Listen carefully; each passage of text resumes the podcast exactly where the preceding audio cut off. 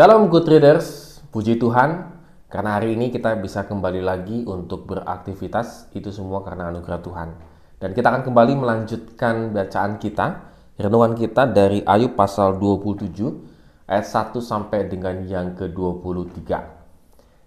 Ya, kita mungkin uh, sering melihat sinetron-sinetron begitu. sinetron-sinetron yang bertemakan secara teologis begitu ya. Kalau uh, ada tokoh atau kasus yang mendatangkan malapetaka begitu. Misalnya dia sering kali uh, melawan orang tua, nanti kamu akan menerima malapetaka dari Tuhan. Lalu kalau dia cara matinya demikian, oh nanti kamu akan akan oh itu sebab waktu dia hidup itu dia sering kali melakukan kejahatan. Kalau dia apa uh, sinetron itu mungkin mengungkap kasus uh, A begitu misalnya itu karena tingkah lakunya demikian. Jadi saudara di masyarakat kita memang sering uh, hal ini sangat terpatri gitu ya. Artinya hal itu sangat-sangat menjadi sempat pandangan teologis pada umumnya. Dan mungkin dalam kekristenan juga sama ya. Seolah-olah ingin mengatakan uh, hukum tabur tuai, apa yang kamu tabur itu kamu tuai. Itu betul. Tabur tuai bukannya salah begitu. Tapi dalam keadaan tertentu kita harus sadar bahwa itu tidak selamanya hukum itu berlaku begitu ya. Nah ini yang terjadi dalam kehidupan Ayub. Dia tahu bahwa dia tuh tidak e, merasa adil, boleh, boleh, boleh dikatakan demikian ya.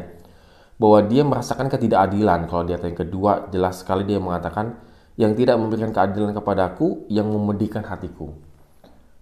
Secara kasat mata, Ayub, Ayub bisa mengatakan demikian karena itu yang dia alami. Bahwa Tuhan itu tidak memberikan keadilan kepada aku dan memedihkan hatiku.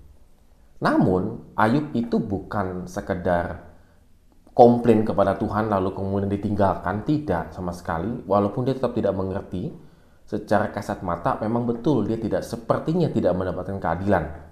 Dia sudah berusaha hidup benar tetapi tidak mendapatkan keadilan dari Tuhan.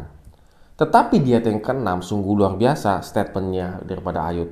Kebenaranku ku pegang teguh dan tidak ku lepaskan Hatiku tidak mencela sehari pun daripada umurku. Walaupun secara kasat mata dia tidak mendapatkan keadilan dari Tuhan, tapi iman dia, keteguhan dia tidak akan kulepaskan. Integritas dia sebagai orang benar tidak akan terlepaskan. Ya, good sementara di ayat 7 sampai habis ayat 23 dia menceritakan bagaimana nasibnya orang fasik yang hidupnya secara kasat mata mendapatkan kelimpahan-kelimpahan, mendapatkan kekayaan anak cucu dan seterusnya secara kasat mata. Tetapi sebenarnya apa yang terjadi dalam kehidupan mereka itu akan menjadi hukuman bagi mereka. Jadi memang betul ketika dia cara hidupnya benar-benar jauh daripada Tuhan, maka dia akan mendapatkan penghakiman. Tetapi balik lagi good readers, penghakiman itu hanya dari Tuhan kita tidak tidak bisa misalnya ada tetangga kita, saudara kita yang meninggal bagaimana, maka kita akan langsung menyimpulkan, oh iya, sewaktu dia hidup tuh soalnya begini-begini. Nah, itu bahaya sekali ya.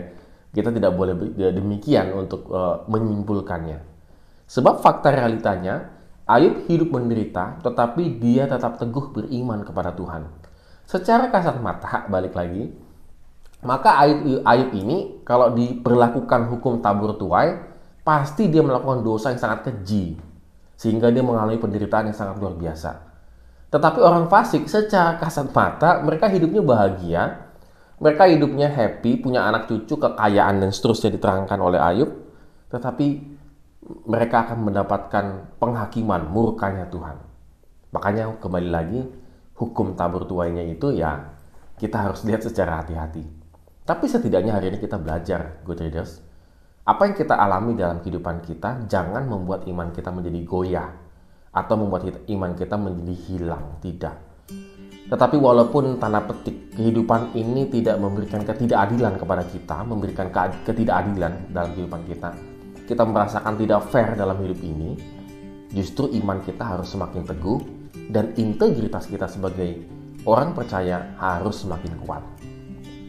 Oleh karena itu, mari Good Readers kita kembali lagi merenungkan firman Tuhan pada hari ini dan biarlah itu menjadi kekuatan dan pengharapan dalam kehidupan kita. Amin. Have a nice day and God bless us.